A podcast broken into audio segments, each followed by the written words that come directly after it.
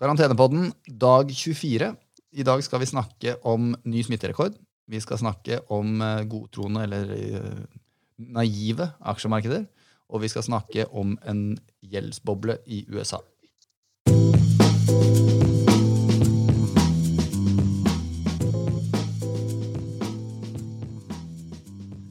Er du med meg, Christian?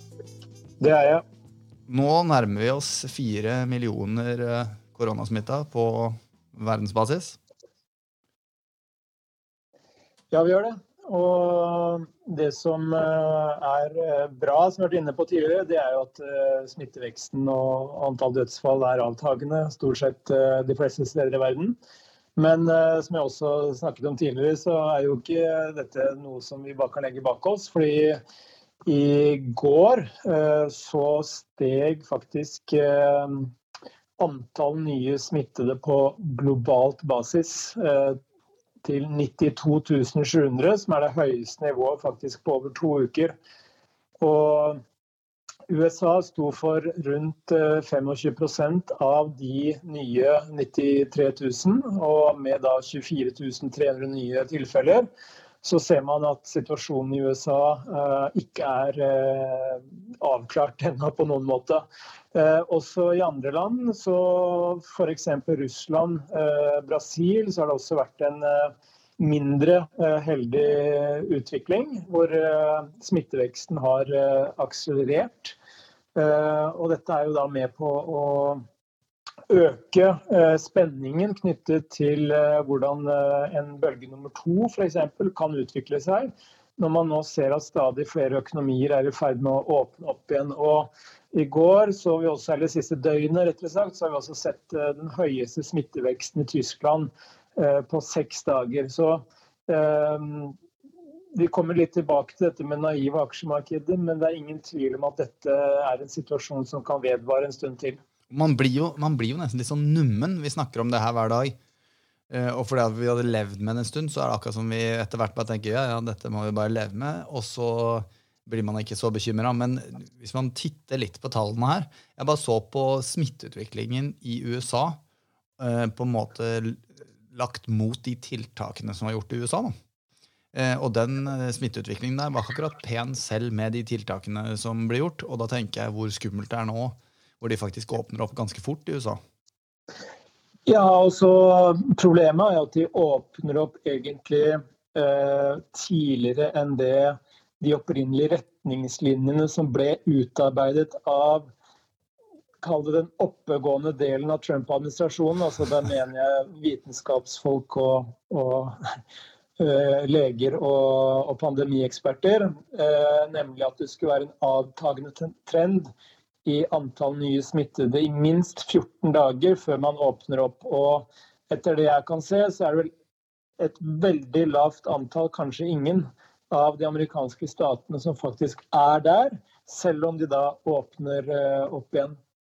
Så at USA eh, potensielt kan bli ny, eh, et nytt kjempeproblem, og at vi i worst case kanskje må se at en del tiltak må gjeninnføres til Trumps store eh, frustrasjon.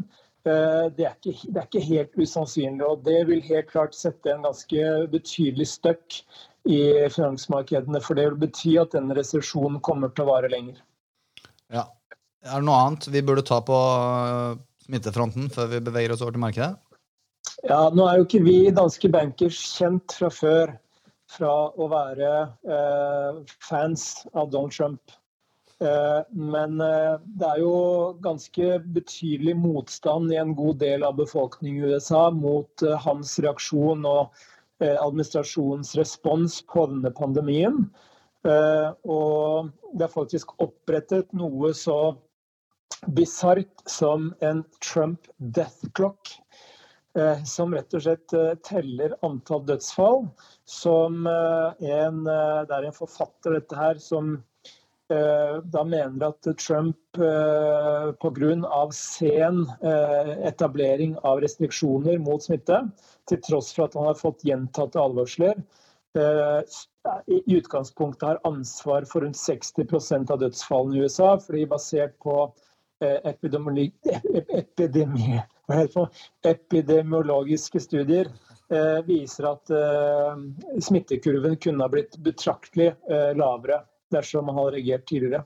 Så på denne klokken så står det da 44 524 dødsfall nå, som eh, han og noen da mener kan tilskrives for sen reaksjon fra Trump-administrasjonen. Det er fælt å si det, men eh, jeg tror nok ikke at uh, en manglende reaksjonsevne fra Trump på det her er det verste han har gjort i sitt embete. Men uh, hvis dette kan bidra til at han ikke blir gjenvalgt, så er jeg happy, i hvert fall. Men uh, vi beveger oss over til markedet, Kristian.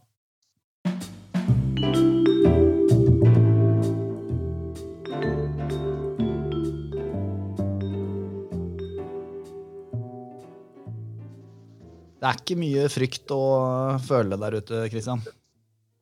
Nei, eh, noe er det i, i, deler av finansmarkedene. Eh, men også der så ser man at eh, frykten er, er, avtagende, for å si det sånn. Eh, men det som igjen, som, som, gjentar seg gang på gang, det er jo egentlig det samme. At vi nå får ekstremt svake nøkkeltall fra verdensøkonomien på daglig basis for april eh, måned.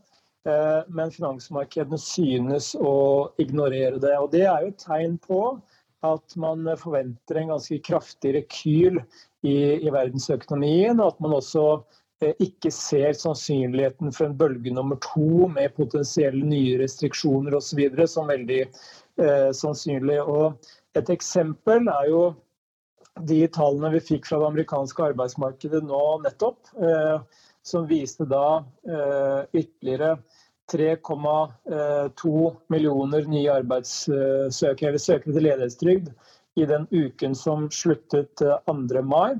Og det betyr at vi nå i løpet av de siste syv ukene har fått 33 eh, millioner nye permitterte eller ledige i USA. Og dette tallet det faller jo nå fra uke til uke, og det er jo helt definitivt en positiv utvikling. Men man ser også eh, rapporter om eh, bedrifter som eh, går fra å, å, ha permitterte ansatte til å varsle oppsigelser, fordi de ser at forretningen går rett og slett ikke rundt, til tross for støttepakker for de som har fått det i tide i det amerikanske næringslivet. Så selv om det verste kanskje er bak oss med tanke på på, på omfang av eh, oppsigelser og eh, permitteringer, eh, med tanke på at økonomien er i ferd med å åpne opp igjen, som vi har snakket om, så er det ingen som vet med sikkerhet hvor, det, hvor lang tid det vil ta før arbeidsledighetsraten eller sysselsettingen er tilbake til et slags normalnivå. Og Det vet vi også. Så lenge spareraten stiger, spareraten i USA steget til 13 eh, som jeg vel nevnte sist også. Eh, og for at denne spareraten skal komme ned, eh, så må arbeidsmarkedet sannsynligvis begynne å snu. Man må se en så, såkalt positivt andrederivert i arbeidsmarkedstallene. Dvs. Si at ting ikke nødvendigvis blir bra, men at de blir mindre ille. For det kan være med på å øke stemningen blant eh, husholdningene, slik at man begynner å bruke penger fremfor å, å spare. Men vi er jo ikke helt eh, der eh, ennå. Og som jeg skrev litt om i min formiddagskommentar i dag, så kan man egentlig si at markedene nå er, lever litt sånn på tro, håp og kjærlighet. Man forventer at ting skal bli bra relativt fort. Men for at vi skal liksom ha en robust oppgang i aksjemarkedet, så er det eh, tre ting eh, som må på plass. Eh, det første er at vi må få flere positive signaler fra kall det mer sykliske indikatorer, som indikerer at investorene tror at økonomien, det underliggende fundamentale, virkelig begynner å komme på plass igjen. Og Det kan f.eks. være at man ser en stigende prisdifferanse på industriråvarer Eh, vis-à-vis gull, eh, som jo har falt til eh, veldig veldig lave nivåer. Og at vi også ser at sykliske aksjer gjør det noe bedre enn defensive aksjer. fordi Tidligere, altså gjennom denne krisen, så har vi sett at defensive aksjer, altså forsiktige sektorer, har gjort det mye mye bedre enn sykliske sektorer, som f.eks. energi, industri, bank, finans osv. Selv om man har sett tendenser til det de siste dagene. Det andre er at man må se en mer tydelig bekreftelse på at smitterisikoen er avtagende eh, gjennom vellykket testing eh, og oppsporing av de som f.eks. har antistoffer i blodet i vestlige økonomier, og at man får en økonomisk bedring i Asia uten eh, nye eh, smittebølger. Og Det tredje, og kanskje det viktigste sånn fundamentalt sett, det er at vi får eh, et positiv endringstakt også i arbeidsmarkedene, sånn at man begynner å se at dette, eh, denne, denne vold, dette voldsomme omfanget av permitteringer og oppsigelser begynner å gå mot slutten, og at eh, sysselsettingen stiger igjen. Det vil kunne være et mer robust grunnlag for at aksjemarkedet skal stige videre. Men så er det også det at aksjemarkedet har allerede steget ganske mye fra bunnen. Eh, og en del av det positive som jeg akkurat har vært igjennom, eh, må vi også anta er til dels priset inn allerede. Det er jo, det er jo ganske skummelt da, å, å, tenke at eh, for det første som du sier, at mye er inn allerede, at vi har fått et ordentlig bra løft fra, fra bunnen. Men at hvis vi på en måte skal ende opp med en Jeg vil ikke si en bra situasjon for økonomien heller, men hvis vi skal ende opp med en, en middels situasjon, da, så må på en måte mye av den utviklingen vi har sett til viruset, eh, vedvare sånn som det er nå. Altså ikke på antall smittede, selvfølgelig, men på at eh, du har en avtagende, eh, avtagende dødsfall daglig osv. osv. Og, og det er jo ikke sikkert i det hele tatt at det er sånn det kommer til å bli framover. Nei, det er jo, det jo overhodet ikke det. og Man ser jo allerede sånne små tegn til at uh, gjenåpning av økonomiene bidrar til en oppblussing av smitte, f.eks. Som jeg nevnte i Tyskland, men også spesielt da i de statene i USA som har vært veldig tidlig ute med å åpne opp økonomien, uten at de egentlig har rukket i det hele tatt å få kontroll på, på viruset. Ja, nei, det er, det er definitivt en veldig usikker tid vi går inn i. Og hvordan ser det ut for gjeldssituasjonen i USA? Jo, eh, det som eh, Jeg kom over en ganske interessant sak. for Vi vet jo at eh, som jeg har skrevet mye om, så er jo gjeldssituasjonen i verdensøkonomien den var jo prekær før koronakrisen. Men vil jo bli ytterligere forsterket med stigende gjeldsbyrder både i det offentlige, men også i, i selskapssektoren etter denne krisen. Og det som da er, litt sånn interessant, det er jo at eh, hvis man ser på selskapsgjelden i USA, så var den på rundt 10 000 milliarder dollar før koronakrisen. og Det er da på et rekordhøyt nivå i forhold til størrelsen på BNP som vi hadde eh, da. Men nå har jo BNP falt, samtidig som gjelden øker, og da øker gjeldsgraden naturlig nok. Men eh, vi vet jo at selskaper, altså både med high yield kredittrating, men også spesielt da med investment grade rating, altså de mer solide selskapene, de har økt belåningen sin kraftig eh, gjennom denne krisen, rett og slett for å ha større kapitalbuffere og, reserver. Og I tillegg så har også selskapene lånt anslagsvis 550 milliarder dollar via eh, kredittlinjer hos, bankene. Eh, og Det som da er et interessant poeng, det er at før disse lånestimulansene ble gitt fra den amerikanske staten og sentralbanken, så ble det foreslått å, å sette et kriterium på gjeldsgraden hos de selskapene som skulle få lån. Eh, og det kriteriet var da at eh, selv etter disse lånene ble mottatt, så skulle gjeldsgraden eh, være mindre enn seks ganger EBIT-DA. Som da er driftsresultat etter skatt, avskrivninger osv. Men fordi Fed og, og, og, finansdepartementet i USA fant ut at eh, hvis de satte dette her kravet, så ville det ekskludert altfor mange virksomheter. Rett og slett fordi at det gjennomgående gjeldsnivået i amerikanske næringsliv er så høyt at dersom de har satt dette kravet, så ville rett og slett ikke nok selskaper fått lån. Eh, og det her er jo da med på å og, og, nå ble det satt et krav, men det ble betydelig lavere enn det som var opprinnelig foreslått. Men det også, Var det her ut fra den artikkelen som du leste? Ja. Hva er det som, Sto det noe om liksom, grunnlaget for hvorfor de hadde valgt seks ganger EBDA? Eh, nei, det sto det ikke, ikke spesifisert. Eh, men det er klart at eh, seks ganger EBTA det er jo en, en frisk, frisk, gjeldsgrad. og Det som var ønsket da helt sikkert var at man ikke skulle gi lån til de selskapene som i utgangspunktet hadde problemer fra før. Men det bringer meg jo inn på litt av den hypotesen som, som jeg har skrevet om og snakket om. Jeg nevnte vel det sist også. Eh, nei, det var på webinaret jeg nevnte det. At eh, når, når eh, selskaper som i utgangspunktet har for mye gjeld i forhold til inntektene, og de har en, en driftsmodell som egentlig ikke holder vann i normale tider, men som bare overlever fordi de får billig finansiering, Eh, når stimulansene er da så omfattende og så kall det eh, lite kravstore i forhold til balansekvaliteten og selskapene, så bidrar det til at veldig mange selskaper som egentlig burde ha gått konkurs i denne krisen, de overlever. Og Det betyr at den økonomiske overkapasiteten den fortsetter.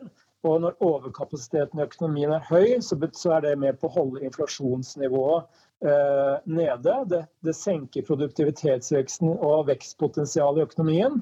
Og det gjør at eh, hele systemet fortsetter å være ekstremt avhengig av at rentenivået holdes på et veldig veldig lavt nivå for å unngå en krise. Så dette, denne hypotesen den bygger egentlig på at vi for, på, at disse stimulansene bidrar til at vi unngår en depresjon. Det er positivt og myndighetene har ikke noe valg. De må rett og slett bare øke gjeldsnivåene. Eh, men det i seg selv bidrar til å svekke økonomiens evne til å komme seg kraftig ut av krisen på den andre siden med en solid vekst i økonomien, som kan bidra til at gjeldsnivået senkes. Fordi på offentlig hånd f.eks. så er den enkleste måten å redusere gjeldsgraden på, det er jo å ha en økonomisk vekst som overstiger eh, rentenivået på finansieringen av statsgjelden. Og Hvordan ser det ut på global basis? Er på en måte USA ledende på det? I forhold til Gjeldsgrad? Eh, nei, nei, nei. Eh, der har vi andre som ligger langt eh, lenger frem i, i, løypa.